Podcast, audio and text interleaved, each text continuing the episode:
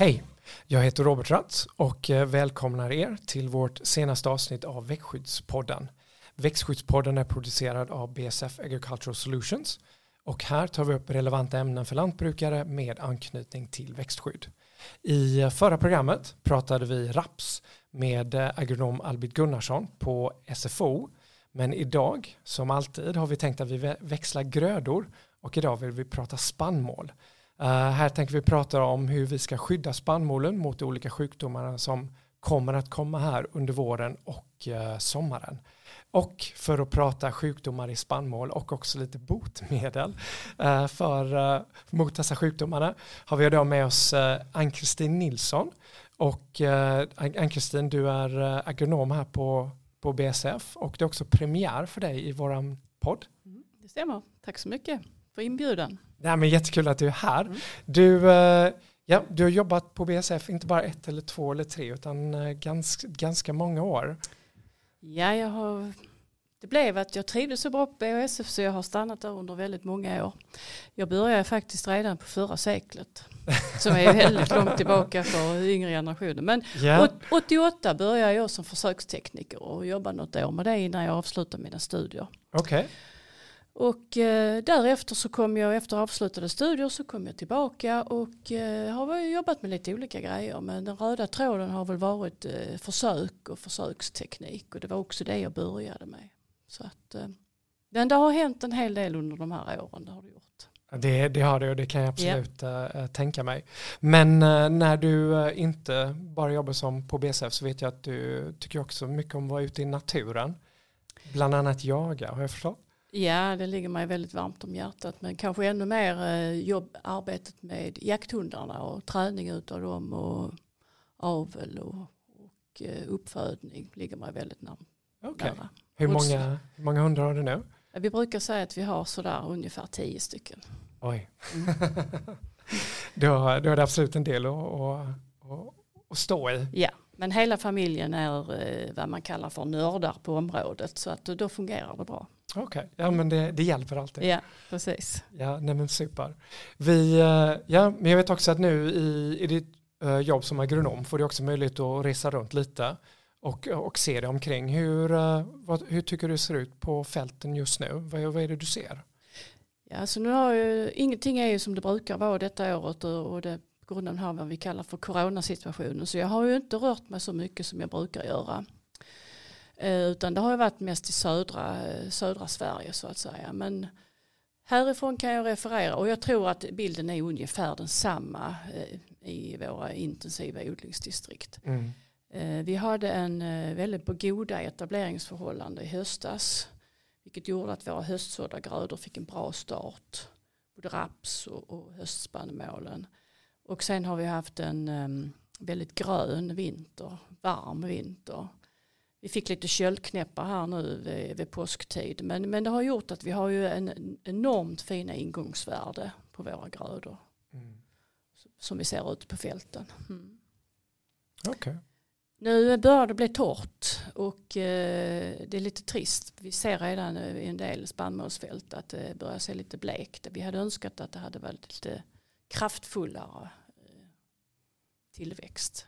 Men det, det, regnet, det är alltså det, det regnet som saknas just nu, ja, skulle vi säga. Ja. Ja. Jag vet, vi pratade innan här, vi, eh, då, eh, då pratade vi också om att nu hoppas vi att i alla fall att väderprognosen säger att det kommer komma regn. Så vi får ju se vad som händer nu här de närmaste veckan. Det här är ju precis innan valborg vi spelar in det här. Ja, precis. Nu har de ju faktiskt lovat nu de kommande dagarna i södra Sverige. Jag är inte uppdaterad på vad som händer i Mellansverige, men i södra Sverige har man lovat kanske en 10-15 millimeter regn. Och vi får verkligen hoppas att inte de försvinner innan de kommer till land. Mm. Eh, eller blåser bort. Precis. Mm. Ja. Och uh, du nämnde höstgrödorna men när det gäller till exempel vårkorn, allt, allt vårkorn är väl mer, mer eller mindre sått nu genom hela, hela Sverige? Ja, jag tro. alltså uh, vårbruket är ju avslutat ju, kan man väl säga. Jag skulle kunna tänka mig där kanske lite potatis kvar. Men det är säkert också eh, satt det mesta. Även i Mellansverige, jag hade kontakt med um, Hushållningssällskapet i Östergötland. Eh, vi skulle ha ut ett, ett litet extra försök. Men man har ju mm. sått allting nu. Man har något enstaka vårrapsfält kvar. Annars är allting i jorden. Okej. det. Mm. Och, och jag vet uh, tiden, liksom det här med torka och, och kanske lite torrare tider. Är det, är det någonting lantbrukaren ska tänka på, liksom, kanske just när det gäller växtskydd?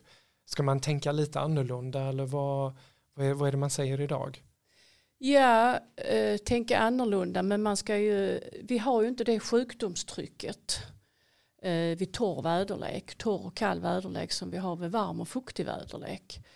Så att eh, idag har vi ju, alltså septorian som är vår stora svampsjukdom i, i veten, den finns ju alltid där på de gamla bladen. Men grejen är ju att sen ska det finnas förutsättningar för den att klättra vidare på nya blad. Mm. När det är så här pass torrt och kallt så sker inte den spridningen. Så det är väldigt låga angreppsgrader på nya blad. Vi har även låga angreppsgrader på gul, vad det gäller gulrost. Men ett enstaka fält har man tydligen hittat eh, Mm. gulrost i. Va? Så att det, är, det är väldigt låga värden nu. Så att eh, eh, man ska avvakta och vara beredd. Man ska ha en strategi. Ja, Eh, men man ska avvakta och vara beredd. okej. Mm. Men eh, låt oss komma till det lite, Mm. lite senare här. Men eh, för några veckor sedan när jag pratade med Måns så pratade vi om att det var kanske då skulle man eh, tänka på tillväxtreglering och för att säkra en, en, en bra skörd. Men eh, nu tänker jag det stadiet är väl mest förbi i, i höstvetet eller hur, eller hur ser du på det? Ja, alltså vi är i många höstvetefält kanske kring stadie 31. Så vi har väl passerat vad vi så eh, lite slarvigt uttrycker oss eh, psykoselstadiet. Men vi har ju nya produkter på marknaden som BASF har ju då Medax Max Mm. som är väldigt flexibel i eh, både dosering och, och tidpunkter för, för behandling. Vi kan köra från 30 till 37 Mm. och då kan man ju börja med att köra, göra en engångsbehandling vid 30, 31, 32 kanske. Och behöver man sen fylla på så kan man göra ytterligare en behandling vid stadie 37. Mm. Och då börjar man lämpligen med en lite högre dos, exempelvis 0,5. Och så fyller man kanske på med 0,3 med Dagsmax senare. Okej, så du säger liksom att just nu kanske man är mer i mitten i, den tillväxtregleringsperioden. Ja, kan man nog säga. Mm. Och kanske någon reflektion om, om vårkornet. Läng, lä- vilket blir längre fram då. Ja, och det man också kan säga att när det gäller all tillväxtreglering, men det pratar kanske du Måns om tidigare, men det är ju att plantan ska vara i god balans. Precis. Den får absolut inte vara stressad utav kyla, Mm. torka, värme. Mm. Så att den ska vara i god balans för att man ska få de em, optimala effekter Mm. från sin behandling. Så det är också att tänka på och ta med, för det är lite, ja varje år är extraordinärt, men nu är det extraordinärt på detta sätt. Mm. Mm. Okej. Och eh, nu pratar vi om höst, höstvete men eh, med vårkornet lite längre fram. Lite Någon- längre fram. Ja, någon reflektion när det gäller eh, tillväxtreglering där. Ja, så det man mest ute efter där det är ju axbrytning och stråbrytning. Så att säga. Det är strå, strået som ska stärkas. Så där, är ju, där kör man ju senare cirka 37, eh, 39 och det går ju- väldigt bra att komplettera eller kombinera med en svampbehandling. Så Mm. vår huvudrekommendation är att köra tarpal som används väldigt flitigt i, kornet. Och blandar vi då med en fungicid, exempelvis Priaxor, så har vi dels en, en eh, synergieffekt som gör att vi kan gå ner i dos lite grann på tarpalen. Men eh, pyraklostrobinen som finns i, i Priaxon den har ju också visat sig ha en stråstärkande effekt. Va? Så att vi, vi får en synergi att köra tarpal plus eh, Priaxor i kornet. Okej. Uh, när, uh, om man tittar på, du nämnde de olika sjukdomarna tidigare, du nämnde septoria, bland annat uh, gulrost. Är det de sjukdomar som är de mest förekommande i Sverige i, i höstvete? Ja, det får man nog säga att det är den, den som orsakar mest skördebortfall. Uh, Septoria, den förekommer i så gott som nästan alla fält. Sen finns det ju sorter som är mer eller mindre mottagliga. Men, men Septoria tritici, eh, är, är den stora sjukdomen. Ja. Sen gulrosten, den är ju mer eh, som en epidemi kan man säga. Och, och där är det ju sorternas mottaglighet. Naturligtvis i kombination med årsmånen men det, är ju mer sorternas eh, ska vi säga, resistens eller mottaglighet som är avgörande. I, I fjol hade vi inte speciellt mycket gulrost i Sverige men i Danmark fick man ju väldigt kraftiga angrepp på grund av att man hade en stor andel av sin odling i eh, en stor del av sin odling i, känsliga sorter helt enkelt. Mm. Så där har Mm. vi sort, sortvalet. Va? Precis.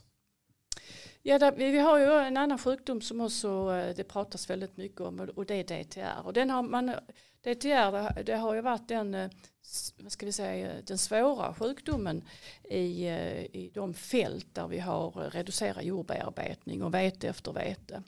Men DTR eh, är inte så, eh, så stort problem längre.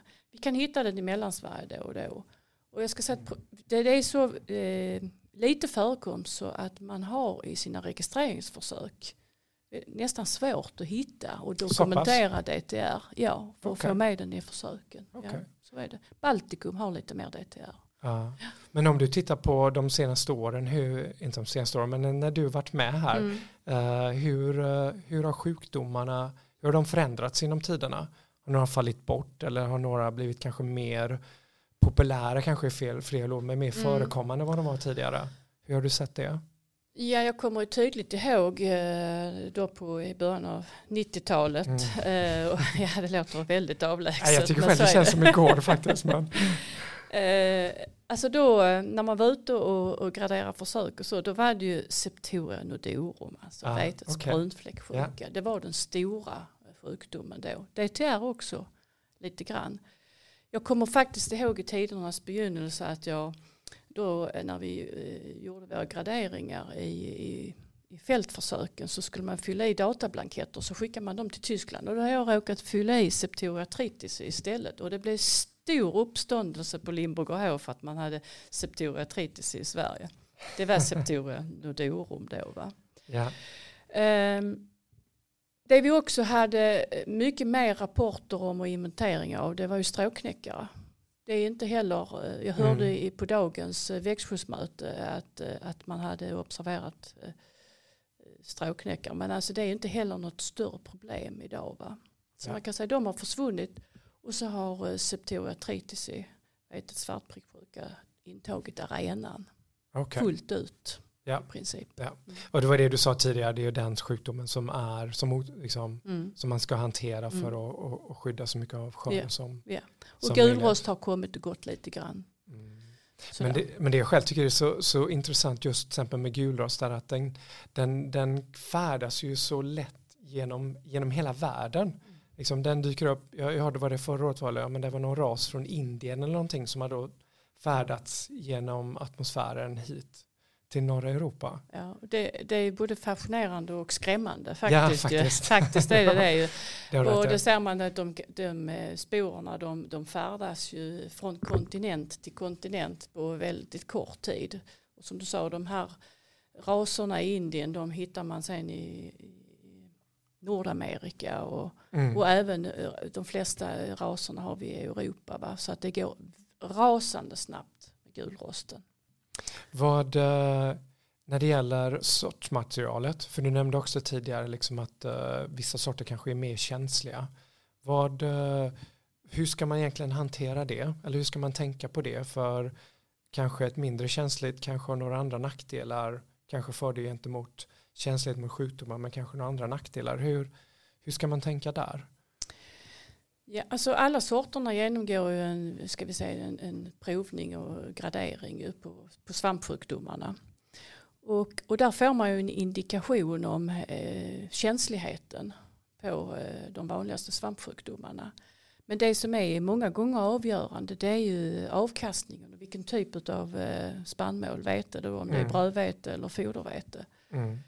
Eh, och, och där resonerar man eh, lite olika. En del vill ha högavkastande sorter och, eh, och då är beredda på de insatser som krävs för att få ut det absolut yttersta av den här sorten.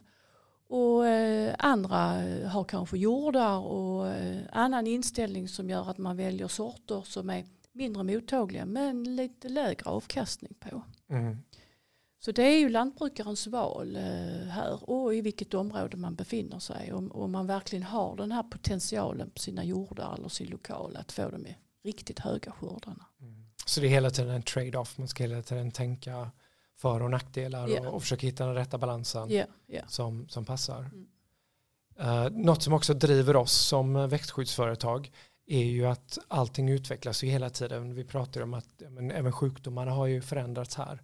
Men vet ju också att en viss resistens uppkommer ju också mot de växtskyddsmedel som finns mm. uh, på, på marknaden. Mm. Hur, uh, hur tycker du just den här resistensbiten ser ut idag? Alltså idag har det varit väldigt mycket fokus på triazolresistens. Och eh, om vi backar bandet så hade vi mycket diskussioner kring strobilurinresistens när vi fick strobulurinerna. De kom då på bred front. Och då var det ju faktiskt så att innan BASF fick sin första strobilurin registrerad så hade vi resistens mot mjöldagg. Okay, yeah. Mot kresoximetyl yeah. gällde det då. Va? Och det är samma där att eh, de här sporerna de förflyttar sig ju lätt och snabbt med vinden. Mm. Så då var det väldigt mycket fokus på det och vi hade ju fantastiska eh, produkter i strobulurinerna inledningsvis. Både mot eh, Septoria och, och, DTR med skördeökningar som ligger på dagens nivåer. Mm. Men eh, lika snabbt så föll man ner när eh, resistensen kom. För det var ju inte en resistens som kom smygande utan det var ju en omedelbar reaktion. Så är det ju med strobilurriresistensen. Mm. Ser vi nu när det gäller triazoler så är det ju mer en smygande effektsförsämring. Shifting som man eh, benämner det. Och där eh, är det ju så att där gör ju läget att vi har ehm, färre aktiva substanser, färre produkter på eh, framförallt den svenska marknaden som gör att vi sli, har ju slitit så enormt på den, de tre solerna vi har haft. Ja. Vad, och när du tittar på vårkornet, är det några sjukdomar där som, eh, som du tycker är viktiga? Ja, alltså det är kornets bladfläcksjuka som är den dominerande. Ja. Och sen har vi sköldfläcksjuka eh, om vi kommer in i lite regnigare och kallare perioder och så. Men det är kornets bladfläcksjuka. Och så rost har blivit mer betydelsefullt eh, senare år. Och där har vi ju också sett fina behandlingseffekter. Med det. Och, och, och det, det som är tricky med rosten det är ju att den är i sig inte så svårbekämpad. Precis som gulrosten. Men timing. Vi måste vara där i tid. Mm. Annars tappar vi effekter. Okay. Mm. Och du nämnde rosten i, i vårkornet men även eh, och gulrost nämnde du i höstvete men även ja. brunrost förekommer ju också hyfsat mycket i, i höstvete eller beror lite på, på från år till år? Ja det är ju årsmånsberoende men ja. vi tycker ju att vi kan se eh, växtskyddscentralen gör ju jättefina summeringar efter varje år och eh, sammanfattningar och där kan vi ju se där eh, på deras sammanfattningar att eh, brunrosten har faktiskt ökat de senare åren i förekomst och, och det gäller även kornrosten. Korn. Mm. Okay. För, eh, för jag vet att när eh, i episod 1 så pratade jag med Peter om, eh, då hade vi nyligen fått eh, en ny aktiv substans registrerad, Revisol, som just är i den gruppen som du sa, i den triazoler som har, eh, som har slitits en del. och, och att vi då hade fått den registrerad i produkter tillsammans med våran SUI aktiva substans Exemium. Vad, vad kan du säga om, om Revisol? i just det här triazol-sammanhanget och vad tycker du utmärker den? Alltså Revisol i sig är ju lite revolution om jag får nu tillåta mig att säga och använda det uttrycket. Det, det. det är ju så att um, vid närmare eftertanke, den ingår ju då i triazolgruppen. Mm. Och, det, och delen heter då isopropanol. Och det som är då speciellt med just den här triazolen, man pratar ju om korsresistens och det är ju om man, man har resistens mellan olika triazoler. Revisol i sig har någonting som man kallar för flexipower eller the hook. Mm. Och det är ju om det är ju så att det skapas, muteras fram olika um, raser utav septoria som gör allt för att undkomma att bli bekämpade av våra bekämpningsmedel. De ändrar form exempelvis. Men då är ju Revisol så finurligt konstruerad att den kan också ändra sig. Och mota olig grind. Eh, enkelt uttryckt då. Mm. Så att eh, muterar svampen sig så ändrar Revisol sig just för att stoppa mm. den här svampens framfart. Va? Det är väl ett enkelt sätt kanske att förklara det på. Mm. Det är det unika med Revisol. Och att man hittills inte har sett att det finns någon korsresistens till andra triazoler. Så vi har ju mycket, mycket starkare effekter med Revisol än vad vi har med andra triazoler tack vare detta. I direkta jämförelser där man tittar på Ja. triazol gentemot en annan, en annan tria- Mm. triazoltyp. Mm. Okej, då är egentligen det vi pratade lite om resistens här, då borde ju något som resistens, alltså revisor borde ju passa väldigt bra in i, i ett resistensstrategisammanhang också. Ja, väldigt bra. Eh, Revisol är ju en stark del i ett resistensmanagement. Just på grund av utav den här flexipower och att den, att den verkligen kan anpassa sig. Mm. Men för att inte vi ska slita på produkten eller slita på en partner kanske så behöver vi en likvärdig partner till Mm. Revisol.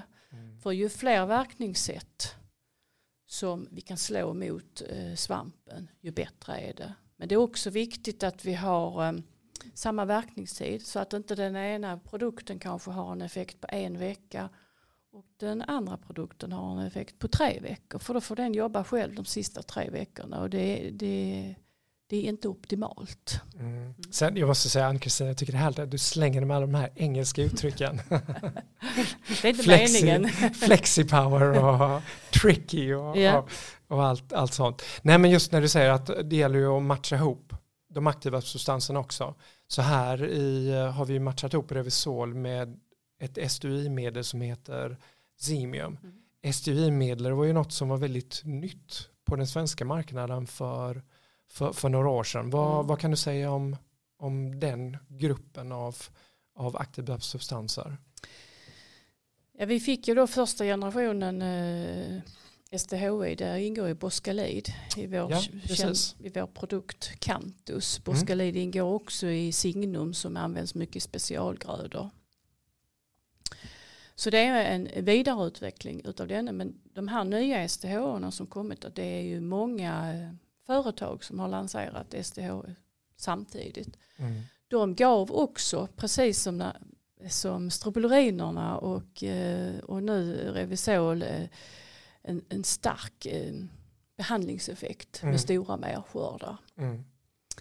Och det gör ju att de länder där man har ett stort tryck och höga, hög intensitet i odlingen gör ju att man använder de här produkterna väldigt många gånger och kanske hög dos. Och, så man tappar ju det här eh, efter ett tag. Ju, Mm. den här. Men, men det var det som var utmärkande för dem, att de var oerhört effektfulla Okej. under en lång tid.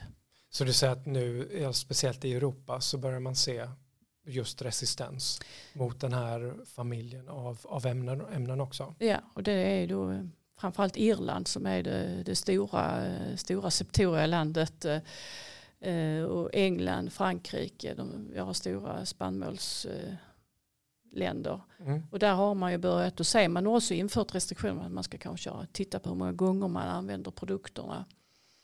Mm. Och eh, så nu kom ju verkligen Revisol, en ny triazol eh, som eh, en hjälp Mm. från ovan nästan. Nej men alltså det, nu när det börjar svikta där. Men i Sverige har vi ju, har vi ju li- lite annorlunda läge. Ja. För här fick vi ju produkterna ungefär samtidigt. Mm. Så vi har ju inte hunnit slita på no- någon av dem. Så att i nu har vi ju full effekt. Både från SDHI och naturligtvis Revisol kommer vi ha många år. Men även SDHI. Så därför är de ju väldigt, matchar de varandra väldigt bra i ett eh, resistensmanagement. Ja. Så den europeiska situationen, för jag vet att vi ser den lite i Danmark till exempel, men till Sverige så är det ingenting som visar att den har kommit ännu. Nej, inte vad vi kan se. Nej. Okej. Eh, och uh, Revisol Eximium hittar vi i två av våra produkter. Eh, och jag tänkte vi kanske kunde prata lite om dem. Jag tänker vi kan väl börja med uh, Revistar XL. Eh, och här så tänker vi att det är en eh, härlig kombination i, för en effektiv och långsiktig resistensstrategi. Hur är Revistar XL sammansatt? Det är en färdig formulering som innehåller då 100 gram Revisol, alltså triazoldelen och 50 gram av Semium. Okej. Ja. Och, eh, och jag tänkte här för att beskriva eh, Revstar Excel så har vi, vi annonserat lite Mm, för mm. på marknaden. Och eh, där vi valt att lyfta ut några speciella egenskaper. Jag tänkte, ett, där nämner vi ju fem stjärnor. Vad menar vi med fem stjärnor i Revstar Excel? Så de här fem stjärnorna det, det är ju ehm, vad ska vi säga en officiell eh, rating, effektstabell Mm. utav våra eh, fungicider bland annat. Och den görs ju av eh, Växjöcentralen. Varje år så uppdateras den här eh, effektstabellen. Och till grund ligger ju eh, ska vi säga, praktiska erfarenheter, erfarenheter från rådgivare, eh, erfarenheter som kommer in från utifrån, från utlandet och försöksresultat naturligtvis. Och då vägs detta ihop av eh, växtskyddscentralen som, som då ger en rating. Mm. Och ju nyare produkten är ju mer eh, måste man ju tillför, ha tillförliten till försöksresultat. Och vi har ju ett gediget eh, försöksresultat när det gäller Revistar Excel. Eh, jag tittar på den, eh, de som registreringsförsök, jag tror att det var drygt 160 försök i höstvete bara. Där man har tittat på effekterna och kommit fram till rating. Så det är bakgrunden. Och fem stjärnor betyder då att det är ett specialmedel. Mm. Och då ligger effekterna på mellan 91 och 100 procent. Okej. Och fyra är inte så illa det heller. Det är ju mycket god effekt. Ja. Eh, 71 till 90 procent då va. Så att fyra, fyra och en halv är också jättebra. Men fem är något speciellt. Så det utmärker sig. Ja. Okej, spännande. Vi skriver också effektiv oavsett väder. Ja och då tänker man kanske allra främst på det här med, med nederbörd strax Mm. efter eh, strax efter man har behandlat. Och eh, Revisol är ju oerhört, eh, tas upp väldigt snabbt utav plantan. Och det gör att även om vi får en, en åskskur eller en kraftig regnskur direkt efter vi har behandlat så är det, har man visat i försöken att eh, vi behåller de effekter eh, som vi hade fått om det inte hade regnat. Mm. Mm. Okej. Och vi, eh, stark resistensstrategi nämner vi. Ja, det var vi ju inne på lite grann innan. Här har vi två aktiva substanser som är väldigt starka mot samma, alltså mot samma sjukdom och man har ungefär samma verkningstid. Eh, och det, och det, det är starkt idag. Mm. Och sen så, eh, ja, det är, väl det, det är väl det stora kan man säga, att de här är gemensamt starka. På mot samma. Så det är ingen som sliter mer Nej. på, på den andra. Inte Liksom. som det ser ut nu. Nej. Ja. Och i vilket stadie rekommenderar vi att Revisor Excel ska användas? Alltså vi har sagt innan att det är septoria tritis som vi inriktar oss på och då är det då har man ju flyttat ifrån när jag började på BSF då var det ju Mhm. axgångsbehandlingar och Mm. möjligtvis 32. Men nu är ju fokus är ju på stadie 39. Det är ju när flaggbladet är fullt utvecklat. Och det är ju för att flaggbladet vill vi hålla rent så att inte vi får ytterligare spridning upp i axet. Så stadie 39. Kommer vi lite längre upp i Mellansverige så, och, och där vi har lite senare eh, angrepp kanske, lite lägre angreppstryck, behöver inte vara det, men om det är det så kan man skjuta på det ytterligare lite grann, kanske fram 45 har vi sett nu i försöken att det har gått jättebra. Också. Mm. Men 39 är den stora tidpunkten som är viktig. Nej, men fint. Vi, eh, det finns också en produkt som heter Revitrex registrerad som också innehåller eh, Revisol och eh, Eximium. Hur, hur skulle du beskriva den? Eh, Revi, eh, Revitrex innehåller 67,5 gram eh, Revisol eh, och lika mycket Semium. Eh, det är också det är en färdig formulering och eh, vi har en maxdos på 1,5 liter. Det är också så att eh, det är också en produkt som är stark både effektsynvinkel. Mm. Så om vi, om vi tittar på den annonsen så då, då ser vi också att eh, där skriver vi också högst, högsta effekten mot Septoria. Ja. Och det är precis det du nämnde där. Ja, ja, det är det. Mm. Och eh, vi skriver också snabbt upptag och unik regnfasthet. Ja, det, regnfastheten den har vi varit inne på tidigare att det är Revsol som binds väldigt snabbt till bladet.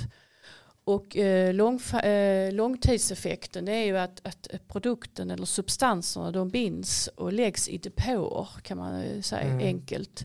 Och sen ligger den där och, och, och eh, fördelar, läcker ut eller pytsar ut eller hur vad man nu vill benämna det mm. under en lång tid som gör att vi får en, en, en väldigt lång effekt mm. av produkten. Tänker man på en produkt som Forbell exempelvis som rör sig väldigt snabbt med saftströmmarna, den rusar liksom ut i bladspetsen direkt. Mm. Eh, och så, så tappar man ju lite långtidseffekten där. Va? Men det är, det är den stora skillnaden, att den liksom finns där hela tiden under lång tid. Mm. Och det, det täcker då det vi kallar för en god långtidseffekt ja, i, i, i, bladen. Mm. Och i vilket stadie rekommenderar vi Revitrex? Det är 39 alltså eh, när flaggbladet är fullt utvecklat. Eh, sen ska vi naturligtvis inte glömma att även om de här produkterna är effektfulla i områden med hög intensitet och stort svamptryck och vi kanske kommer in i en vädersituation som gör att vi har ett starkt tryck utav både septoria, gulrost och brunrosten kommer ju relativt sent. Då eh, är det ju axgångsbehandling. Mm. Som också är mycket viktig. Mm. Så här är det ju en avvägning. Ska vi lägga, ska vi lägga den robusta stora delen i flaggbladet och ha en mindre del senare? Eller, ja. det, det är lite grann med erfarenhet och, och väderlek och sorter och allt vad det nu som vi väger in i detta. Eller ifall någon har frågor får de gärna kontakta dig. Jättegärna. uh, och, och tidigare, du nämnde faktiskt en produkt som heter Preaxor. Eh, och då pratar du om vårkornet och du, vet, du har ju nämnt kornets eh, bladfläcksjuka som den mest förekommande svamp, svampsjukdomen i korn. Vad, eh, kan, kan du beskriva kornets bladfläcksjuka och hur man ska behandla den? Ja, eh, Preaxor då innehåller ju pyraklostrobin, alltså vår gamla Komet Pro. Eh, och den innehåller 150 gram och så 75 gram eh, semiumdelen så att säga. Va? Och vi vet ju sedan tidigare att pyraklostrobin är väldigt stark själv på korns bladfläcksjuka. Och här får mm. vi en förstärkning, en jämbördig partner som, eh, som hjälper till här mot korns mm. bladfläcksjuka. Alltså det, den har visat eh, väldigt goda resultat. Den är lätt att använda. Mm. Vi har en standarddos och det, det fungerar mycket väl. Sen har vi ju pyraklostrobin, alltså kometdelen i Priaxor har ju andra fördelar. Eh, som vi bland annat ser mycket i havre. Men i spannmålen du har du har vad vi, vad vi benämner excellence-effekt. Du får ett bättre kväveutnyttjande i plantan. Den blir mindre känslig för eh, torka, värme, kyla och så vidare. Va? Så att, och det ser vi. Det ser vi också ibland när vi inte har så stora eh, svamptryck så får vi ändå ett mervärde att behandla med just pyraklostrobin innehållande produkter. Så den är, liksom, det är de här, vad ska man säga, vissa olika fysiologiska effekter. Ja, så den som har, vi kallar det för. Ja. mm. Så utöver att den bara tar hand om en sjukdom så ser du även att den hjälper till själva grödan ja. och kvaliteten på grödan. Mm. Men det är ju, det är ju spännande. Så, och sen, nu har vi pratat lite om, om sjukdomar, men även när man tittar det är väldigt torrt som vi sagt. Man tittar också lite på insekter. Man brukar ju generellt säga att ju torrare det är då får vi ju mer insektsproblem. Mm. Hur, uh, vad tänker du där? Hur, alltså, hur ser det ut idag? Torrt och varmt så då, då ökar oftast insektsproblemen. Eh, om vi tittar på rapsen eh, så har man ju inte, när man har gjort inventeringar där så har man inte hittat speciellt mycket vivlar och då kanske inte vi får så mycket problem senare eller med, med insekter. På bet, I sockerbetsodlingen så har det varit relativt svalt under uppkomstskedet som också gjort att insekterna har varit relativt harmlösa och inaktiva. För det är just det att de blir mer rörliga och de flyger ut till fälten när, eh, med värmen så att säga. Va? Eh, det kan ju komma att finnas bladlöss eller eh, kornets eh, sädesblåbaggen eller kornjordloppan. Mm. Mm. Men som är relativt harmlösa. Mm. Okej. Okay. Men Ann-Kristin, jag tror vi börjar närma oss slutet. Mm. Så tack för att du, du ville komma hit idag. Jättekul att, att pratas vid och tycker en, alltid en intressant diskussion. Mm. Så tack ska du ha. Tack själv. Och, eh, och ni som har lyssnat, eh, vill ni veta mer om det vi har pratat om idag så är ni välkomna att gå till vår hemsida. Det är agro.bsf.se. Eh, där kan ni läsa mer, få specifik produktinformation, se kontaktinformation till till exempel Ann-Kristin som vi, vi nämnde tidigare. Man kan också följa oss på, på, på Facebook. Och, och vi vill gärna ha eran feedback också. Vad tycker ni om våran podd? Är det några ämnen ni vill ta upp eller vad tycker ni om ämnena vi har pratat om eller olika gäster? Och, eh, och faktiskt Ann-Kristin, vi har en ny adress gentemot eh, tidigare. Och nu har vi växtskyddspodden snabelavbsf.com eller egentligen det är ju vaxtskyddspodden i och med att EK är ju inte i, e-mailform. Så vaxtskyddspodden snabelavbsf.com. Mm. Uh, och uh, vi har pratat om växtskydd. Så glöm inte att används, använd växtskyddsmedel med försiktighet. Läs alltid etikett och produktinformation för användning. Observera alla varningsfraser och symboler. Och vi som BSF vi är medlem i Svenskt växtskydd. Men eh, ja, tack för att du har lyssnat och eh, på återhörande i denna podd. Hej då! Hej då! BASF. We create chemistry.